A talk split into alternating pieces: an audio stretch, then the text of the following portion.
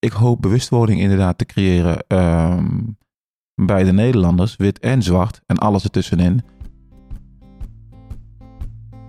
Wat moet, dat moet en daarom is het goed. Dat zei mijn oma altijd en het is ook een beetje mijn lijfspreuk geworden in mijn politieke bestaan. Nu heb ik voor mezelf al wel redelijk op een rijtje wat er allemaal moet gebeuren in Nederland en waarom dat dan goed is. Maar ik ben ook heel benieuwd naar de goede ideeën van anderen.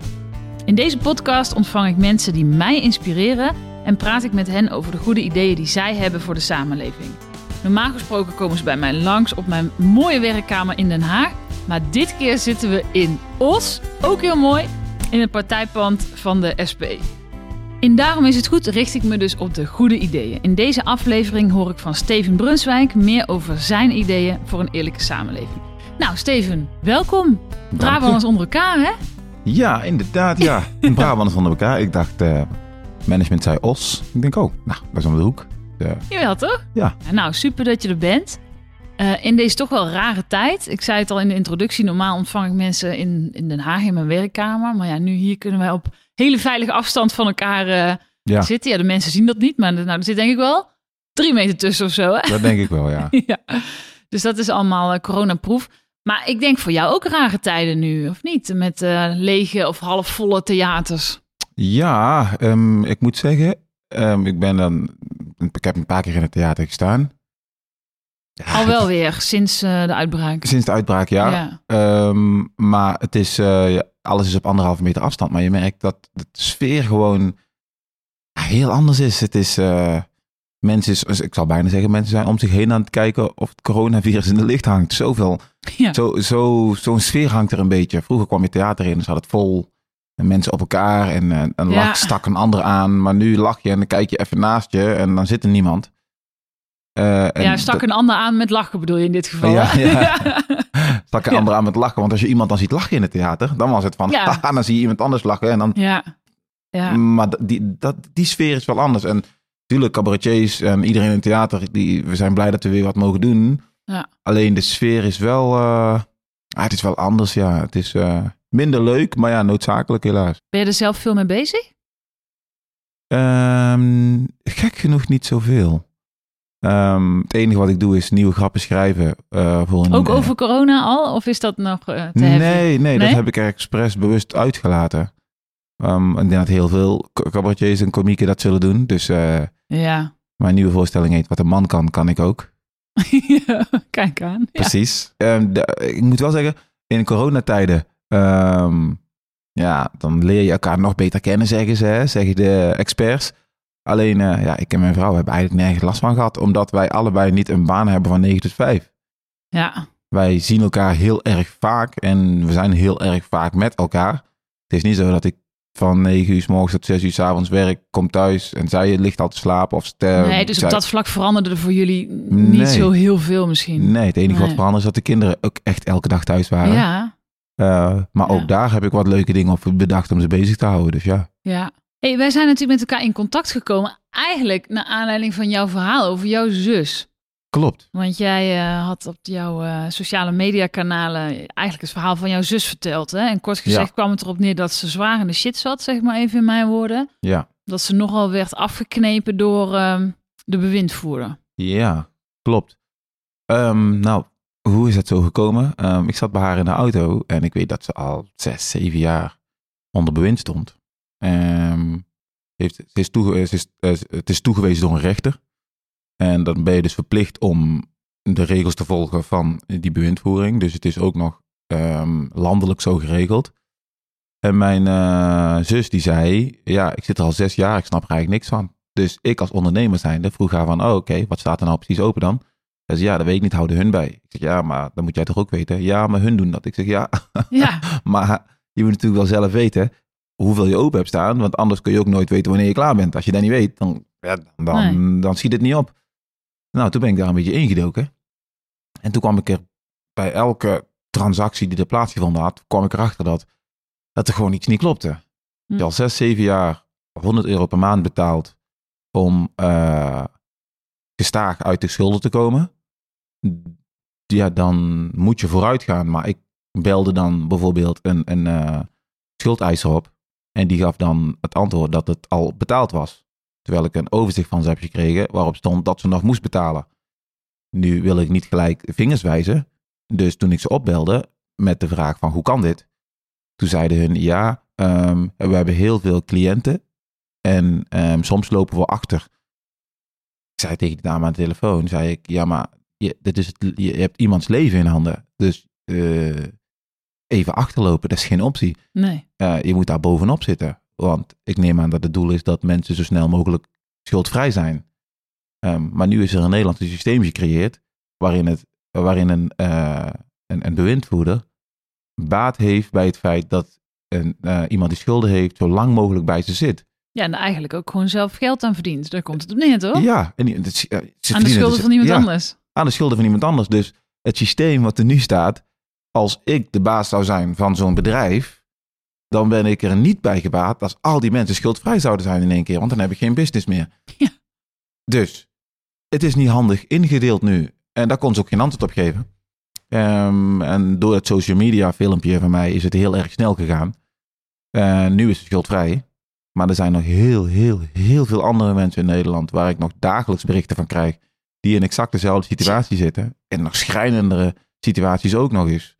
Maar er zijn heel veel mensen die in deze situatie zitten. En uh, als ik de situatie van mijn zus zit. Na 70 euro per week leefgeld, uh, bikkelen, de, twee kinderen, uh, amper rond kunnen komen, keihard werken bij Burger King en eindjes aan elkaar knopen. En er zijn zoveel mensen En die al gewoon... zes jaar lang, begreep ik dus. Ja, en er zijn zoveel mensen tijd. die Ja. niet thuis uh, zitten en niks willen doen. En er zijn mensen die keihard werken, die gewoon echt Ja. een salaris ontvangen. Dat salaris, dat gaat naar het bewind toe en die betaalt dan alles. Uh, maar die krijgen maar 70 euro leefgeld. En natuurlijk zit er ook een, een deel mensen bij die het ook, niet echt, die het ook echt niet zelf kan. Uh, en die langzaam begeleid moeten worden. Maar het overgrote deel van mensen die het wel zelf kan en die echt elke dag keihard bikkelen en die kinderen hebben en die, die niet rond kunnen komen. En met corona maakt de hele situatie niet makkelijker voor ze. Ah, Dan, dan denk ik dat hier echt, echt duidelijkere afspraken over moeten komen. En Wat dacht jij toen je dat, want je bent er inderdaad ingedoken en steeds meer ontdekte eigenlijk. Maar wat Ja. dacht je toen je dat, ja, toen dat zo boven tafel kwam? Ik werd zelfs een beetje boos. Ja, Eh, Ik dacht, dit, dit is eigenlijk legale diefstal bij wijze van spreken. Want uh, je kunt als, je kunt als uh, persoon die schulden heeft, je kunt geen kant op. Want een rechter heeft het toegewezen aan je, dus je moet je daaraan houden. Wil je onder bewind weer eronderuit, dan moet dat ook via een rechter en via een brief. Dus het is een hele, het is een situatie wat ook echt vaststaat. En dan ben je dus overgeleverd aan de bewindvoerder. En die kan dus uh, blijkbaar doen en laten wat ze willen, want uh, ze krijgt dan een overzicht. Het overzicht bij mijn zus klopte van geen kant. dan denk ik, maar wat doe je dan? ja. Wat, wat, ben je dan aan het doen? Hoe moeilijk is het? Ik heb daar denk ik een uurtje gezeten. En ik heb het CIB gebeld. Ik heb uh, de verschillende schuldeisers gebeld. Ik heb uh, VGZ gebeld. Ik heb, Hm. uh, ik, heb, ik heb ze allemaal gebeld. En die zeiden om de havenklap, zeiden ze, oh, dit dossiernummer is al betaald. Oh, hier is dit gedeeltelijk betaald. Dus ik zeg, het is toch geen hogere wiskunde? Nee. Het is toch niet zo moeilijk? Dat is toch jouw werk? Ja. Maar toch liepen ze flink achter. En de brutaliteit was ook nog eens dat ze zeiden, ja, als je uh, bedragen hebt die niet kloppen, zou je dat dan even door willen geven aan ons? ik zeg, maar dat is toch niet mijn Ja. werk? Dat moeten jullie toch doen? Daar verdienen zij te gaan. Ja. Daar verdienen hun aan. Dus, wat, ja. dus ik werd er echt boos om, ja. Ja, nou zijn we er in het Kamer mee bezig natuurlijk. Hè? En de minister heeft beloofd dat hij ernaar gaat kijken en het uit gaat zoeken. Wat, wat denk jij dat er moet gebeuren? Ik denk dat er, een, uh, dat er meer duidelijkheid moet komen. Ik denk dat uh, de mensen die uh, schulden hebben. Um, ik, ik vind het goed, laten we daarvoor opstellen, dat er een systeem is waarbij mensen geholpen worden. Hè? Mm. Dat, dat is goed. Alleen, um, ik denk dat uh, de bewindvoerders hierin. Ik begrijp dat hun ook natuurlijk moeten verdienen, maar het moet niet van de mensen afkomen. Maar nu betalen die mensen het zelf. Dus als dat weggenomen wordt en ze krijgen alsnog betaald, of die 100 euro die mijn zus betaalde, die moet dan ergens anders vandaan komen, dan is, ja, dan is die stok achter de deur die ze hebben, die is dan ook weg. Dus dan hebben ze ook geen baat meer bij om uh, die mensen daar zo lang te houden. Nee. Uh, zoiets zit ik aan te denken. Dat is de enige manier, denk ik, ja, ja. om ervoor te zorgen dat ze, uh, dat ze hun werk ook echt gaan doen. En hoe is het nu met je zus? Uitstekend. Ja, fijn. Ja, vast contract nu. Kijk. En uh, ze zit kijken om, uh, een, uh, om een huis te kopen. Maar ja, doordat ze zo lang in de schuld heeft gezeten, kun je Ja. natuurlijk niet gelijk een huis gaan kopen. Dus ehm, ja, daar heeft ze wat achterstand op. Maar ja, het voordeel is wel dat ze nu echt schuldvrij is en haar eigen geld verdient. En eh, laatst was ze bij mij, toen zei ze... eh, ik zeg, kom je even oppassen bij mij, vroeg ik. Toen zei, eh, ik zeg, ik betaal jou gewoon. Zei ze, nee, ja, ik heb nu mijn eigen geld. Dus, ja, precies. dus ja, het gaat heel goed met haar. Mooi, Ja. nou, dat is wel super fijn. ja. Ja, maar je krijgt dus ook veel berichten, begrijp ik, van andere mensen die in een soort gelijke situaties zitten. Ja, Lijkt me wel heftig, of niet? Tenminste, ja, je bent Ja. hier ook maar zo ingedoken, denk ik, omdat, het, omdat je het zag bij je zus. ja, ik ben erin gedoken omdat ik bij mijn, zus, bij mijn zus zag, ja. Maar heel veel mensen zien mij nu als... eh, Ja, hopelijk kan je dat ook voor mij betekenen. Maar Ja. die zijn ten einde raad. Als je iemand op eh, Facebook die, waarvan je een filmpje hebt gezien, de tijd gaat nemen om flink bericht gaat typen. Ja. En je hele hebben en houden neer gaat gooien. Ja, dan ben je ten einde raad hoor. ja, En ja, ik begrijp ze heel erg goed. Want die hopen natuurlijk ook dat ik hetzelfde voor hun kan betekenen. En ik zou willen dat ik iets voor ze kan betekenen. Ehm, maar dat heb ik ook gedaan nu natuurlijk. Doordat het nu bekend is dat het in Nederland gewoon een groot probleem is. zeker. Je hebt het echt wel eh, op de agenda gezet. Ja, ja, dus daar ben ik blij om. En ik probeer die mensen zo goed mogelijk eh, te antwoorden.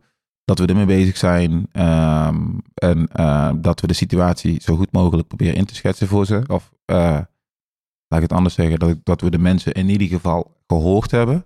Ja, Alleen ja, ze zitten nog steeds in die situatie. Hè? Dus ja, sommigen zijn al schuldvrij zelfs. Ik kreeg een vraag van iemand die, ja, ging om een paar honderd euro. Maar ja, ze wil gewoon weg. Maar dat gaat dus gewoon niet. Nee. En ze zijn er meerdere instanties in Nederland. Dus ehm, ja, het, het is nog steeds wel gaande, ja. moet gauw een structurele oplossing komen. hey, ehm, ik zou graag ook nog wat anders met je willen bespreken. Want eh, wat ik begrijp, was jij een jaar of vijf toen je met je ouders vanuit Suriname kwam, hè? Meteen, zijn je meteen naar Tilburg gegaan eigenlijk? Gelukkig wel. Gelukkig, ja. ja, dat heel weer, ja. Ja, ja, ja. En hoe, hoe was dat? eh, was dat een moeilijke tijd? Of ging je dat relatief makkelijk af?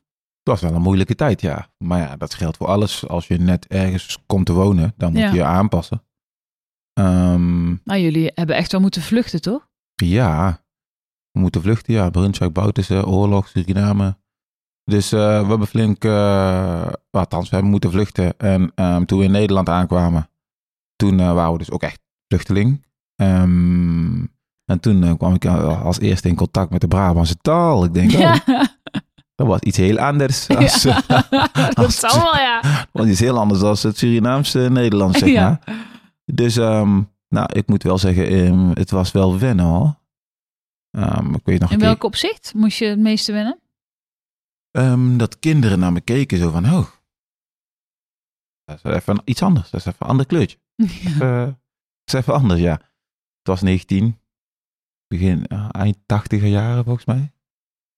Ja, eind 80er jaren volgens mij. Was er een kindje dat naar me toe kwam lopen en een kindje zegt, ja, mijn mama, mijn mama zegt dat je nog vies was, dus ik heb hier een doekje voor jou. Niet waar. Ja. Echt waar? Ja, zeker. Oh. Dus ik had zoiets van, heeft hij het over, man? Ja. Vies. Hoe ging je daarmee om dan? Ja, ik, ik kon er niet mee omgaan eigenlijk. Ik kwam Nee. iedere keer thuis en ik zei tegen mijn moeder... eh, eh, mama, de witte keer koshimi. Mama, de witte kinderen schelden me uit. Zei ik tegen mijn moeder altijd. Maar ik sprak alleen met mijn moeder.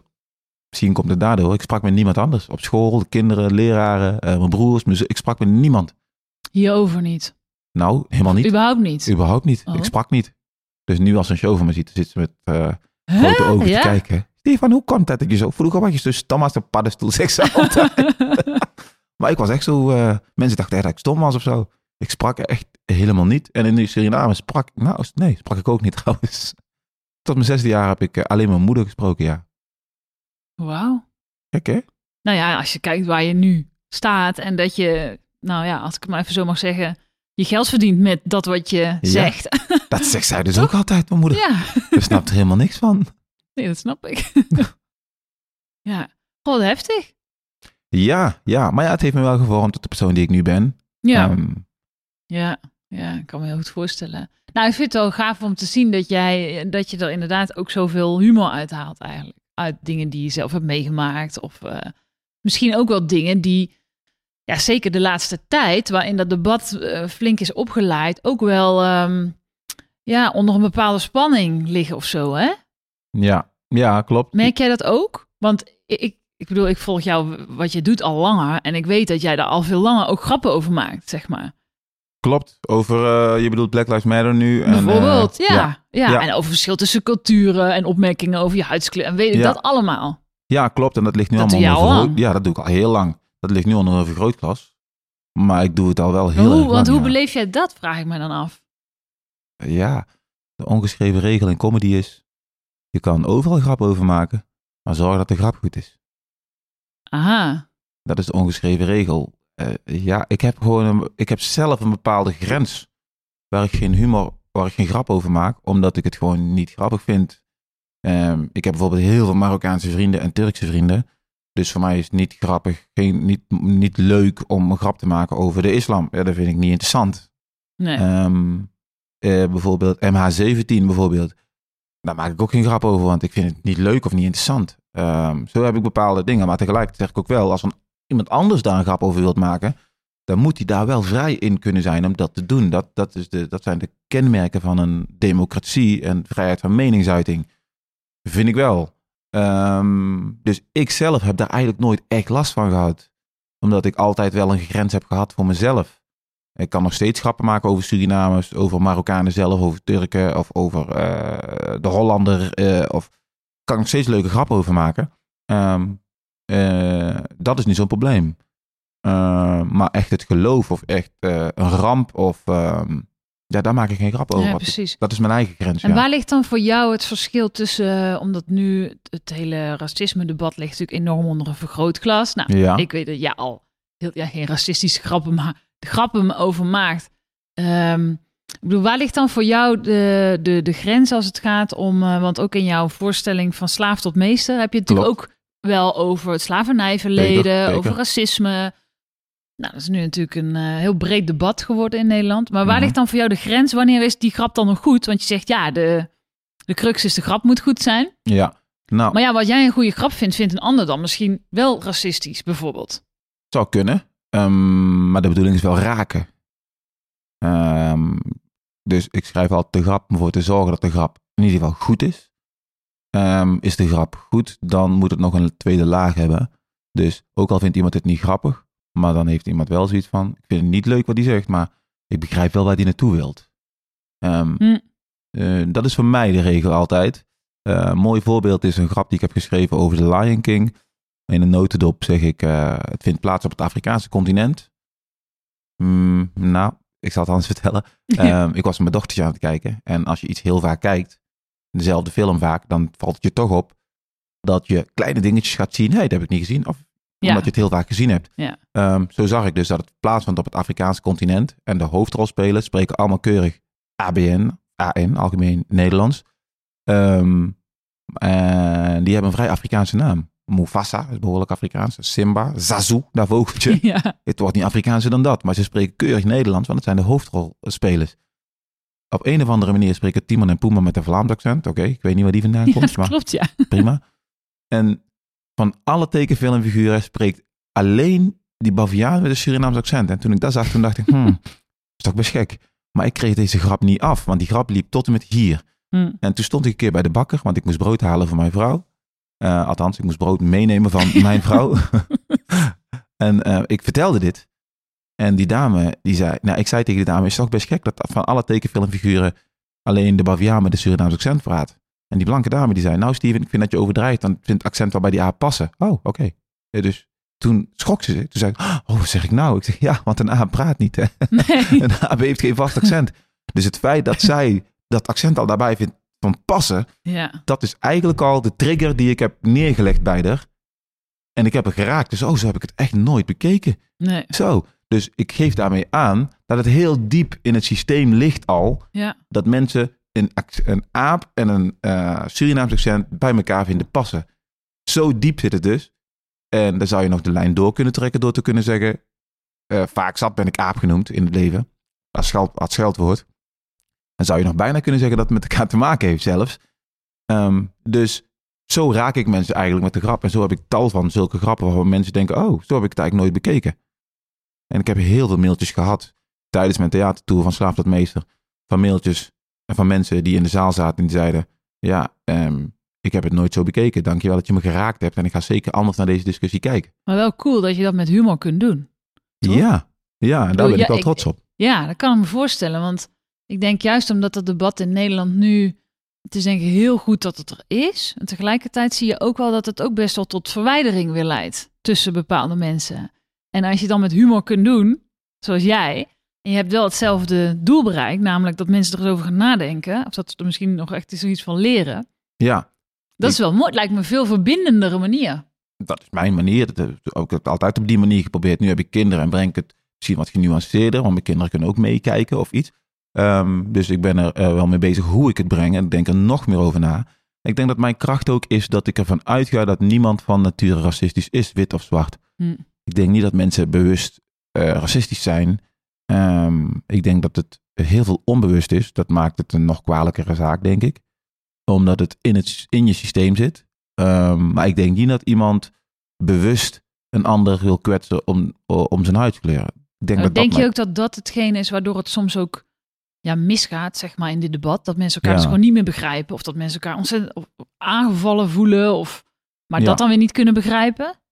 Ja, ja, ik denk dat, daar, dat het daar fout gaat. Als ik eh, kijk naar al mijn debatten die ik erover heb gehad, dan, wordt mij, eh, dan word ik altijd gecomplimenteerd over het feit dat ik me in kan leven in de ander. Hm. Ehm, omdat ik vaak aangeef dat een blank persoon is niet racistisch. Nee, die ervaart het op een andere manier, waardoor hij of zij vindt dat hij niet racistisch is, maar doordat, doordat die persoon niet vindt dat, dat, die, dat jij niet racistisch bent, maakt het niet racistisch. Ehm, ik zeg alleen, ik, ik begrijp waar je vandaan komt. Ik begrijp eh, waar je tegenaan loopt. Ik ga je, alleen, ik ga je mijn verhaal vertellen.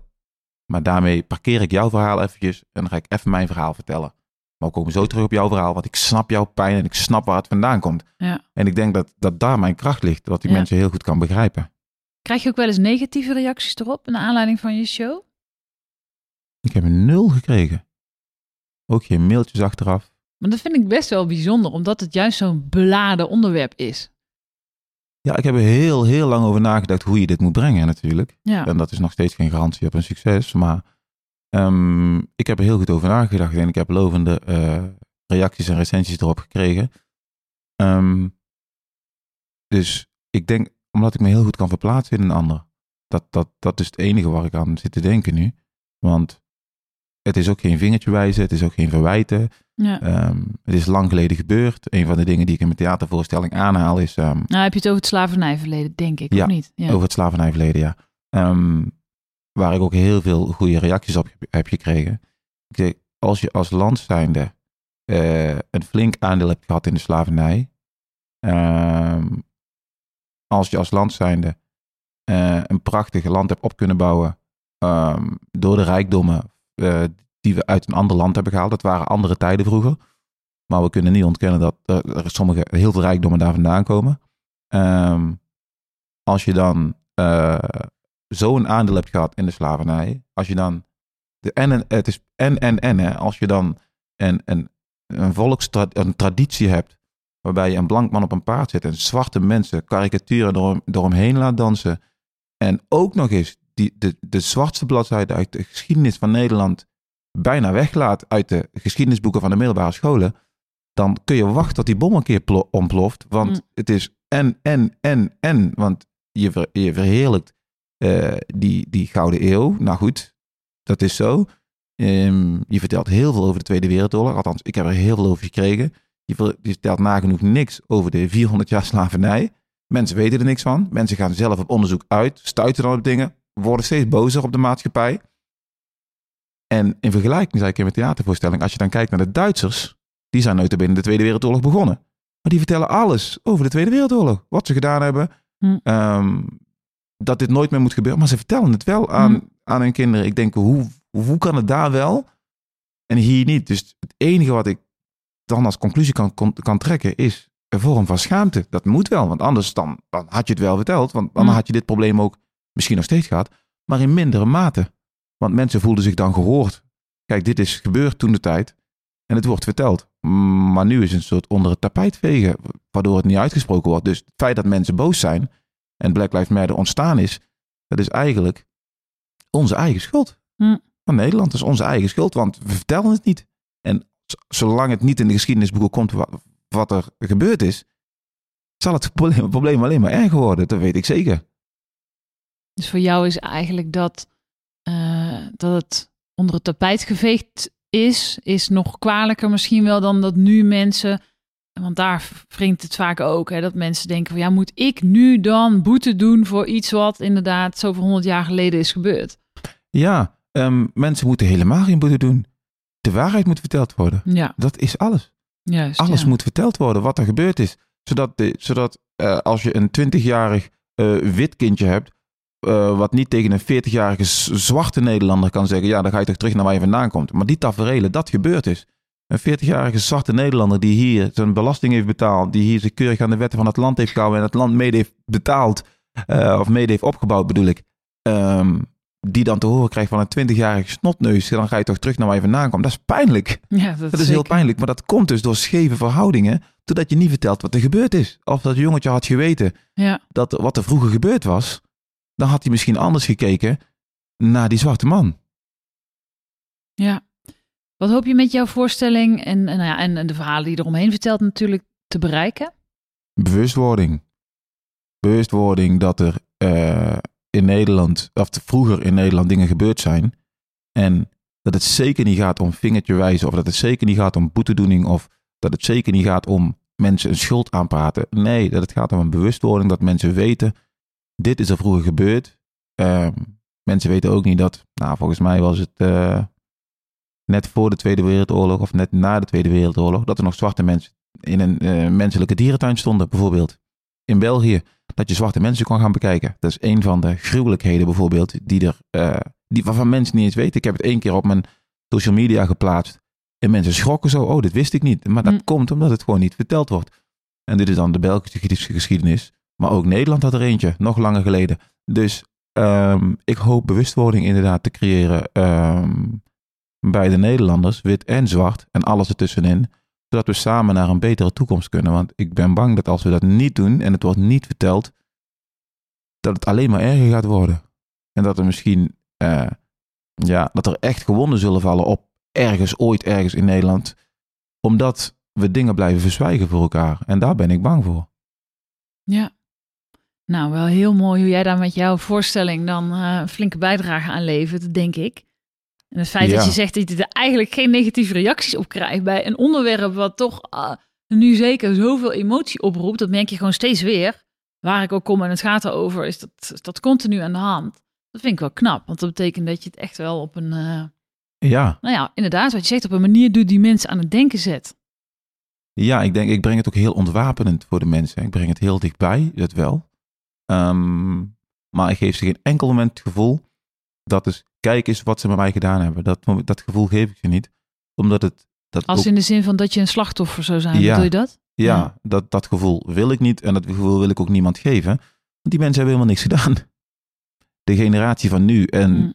nou, een aantal generaties voor, die hebben helemaal niks gedaan. Die mensen kunnen er ook niks aan doen. Het is, dus het, daar gaat het niet om. Het gaat erom dat de geschiedenis goed verteld wordt en dat we samen naar een betere toekomst. Want Nederland is multicultureel, of je het nou leuk vindt of niet. Nederland is multicultureel. Ja. En daar mogen we blij mee zijn dat je een mapje kunt halen.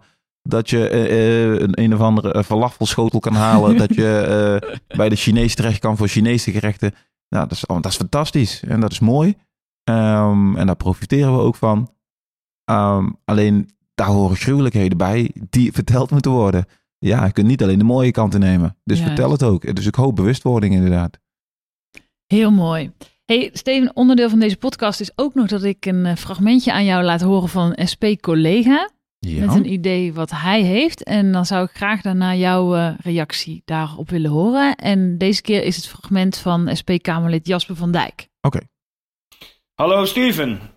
Afgelopen maart kregen wij contact naar aanleiding van jouw post over de schulden van je zus. Zij werd behoorlijk afgeperst door haar bewindvoerder, het bedrijf Obin, want ze moest veel meer geld afbetalen dan nodig was. Legale diefstal noemde je dat terecht. Behoorlijk fout om iemand die al in de problemen zit, nog dieper in de problemen te duwen. En dat geldt voor duizenden mensen, want in totaal hebben ongeveer 1 miljoen mensen te maken met schulden. Ik heb toen kamervragen gesteld, en nou is het leuke dat de regering in de antwoorden belooft om dat systeem van bewindvoering te onderzoeken. Dat is niet verkeerd als ze er ook echt iets mee gaan doen. En ik zal in november navragen hoe het daarmee staat. Dan is het begrotingsdebat met sociale zaken. Wat moet er nou volgens ons gebeuren? Nou, ten eerste moeten bewindvoerders gewoon eerlijk zijn en rotte appels moet je aanpakken. Ten tweede moeten schuldhulpverlening en bewindvoerders geen commerciële markt zijn, maar het moet bestaan uit betrouwbare mensen, bijvoorbeeld in dienst van de gemeente. En last but not least moet de hele schuldenindustrie wat ons betreft worden aangepakt. En dan heb ik het over de handel in schulden, de hoge boetes van incassobureaus, maar ook de rol van de overheid als schuldeiser. Denk aan de toeslagenaffaire. Het is bizar dat mensen geld kunnen verdienen over de rug van mensen met schulden. Aan de slag daarmee. Veel groeten, ook aan je zus. Wauw, Dat was Jasper van Dijk. Voor jou, wat vind je ervan? prachtig. Ja, fantastisch. Ik ben geen eh, politicus, dus eh, ik, eh, ik wil heel veel, maar ik kan het nooit onder woorden brengen. Maar dit, dit dus? Nou, precies. Misschien nog een keurmerkje erbij. Nou, helemaal geweldig. ja, jij kan je erin vinden. Ik kan me er zeker in vinden in zo'n woorden, ja. Nou, helder en duidelijke taal, ja. Inderdaad, over de rug van zulke mensen eh, geld gaan verdienen. Mensen die al in de schulden zitten. Iemand die al op de grond ligt nog een trap nageven. Of iemand die al beroofd is en die nog een tientje over heeft. Dat laatste tientje nog even afpakken. Nou, dat. Nou, fantastisch. ik heb geen, geen woord aan toe te voegen. mooi, geweldig. mooi. Nou, geweldig. Mag ik jou dan ontzettend danken, Steven, voor jouw komst naar Os, voor je bijdrage aan deze podcast, maar vooral ook Yes. heel veel succes wensen met, ja, ik vind je shows ontzettend leuk, maar ook toch wel het goede werk wat je doet. Nu bijvoorbeeld voor mensen in de schuldhulpverlening, maar ook eh, om het hele racisme-debat de goede Ja. kant op te krijgen. Ik vind echt dat je dat knap doet. Dus daar wil ik je vooral ook heel veel succes mee wensen. Bedankt voor je komst. Yes, dank je. Dit was Daarom is het goed, de podcast waarin ik van mensen die mij inspireren hoor welke goede ideeën zij hebben voor de toekomst. Wil je nou niks missen? Abonneer je dan via Apple Podcast of via Spotify. Tot de volgende.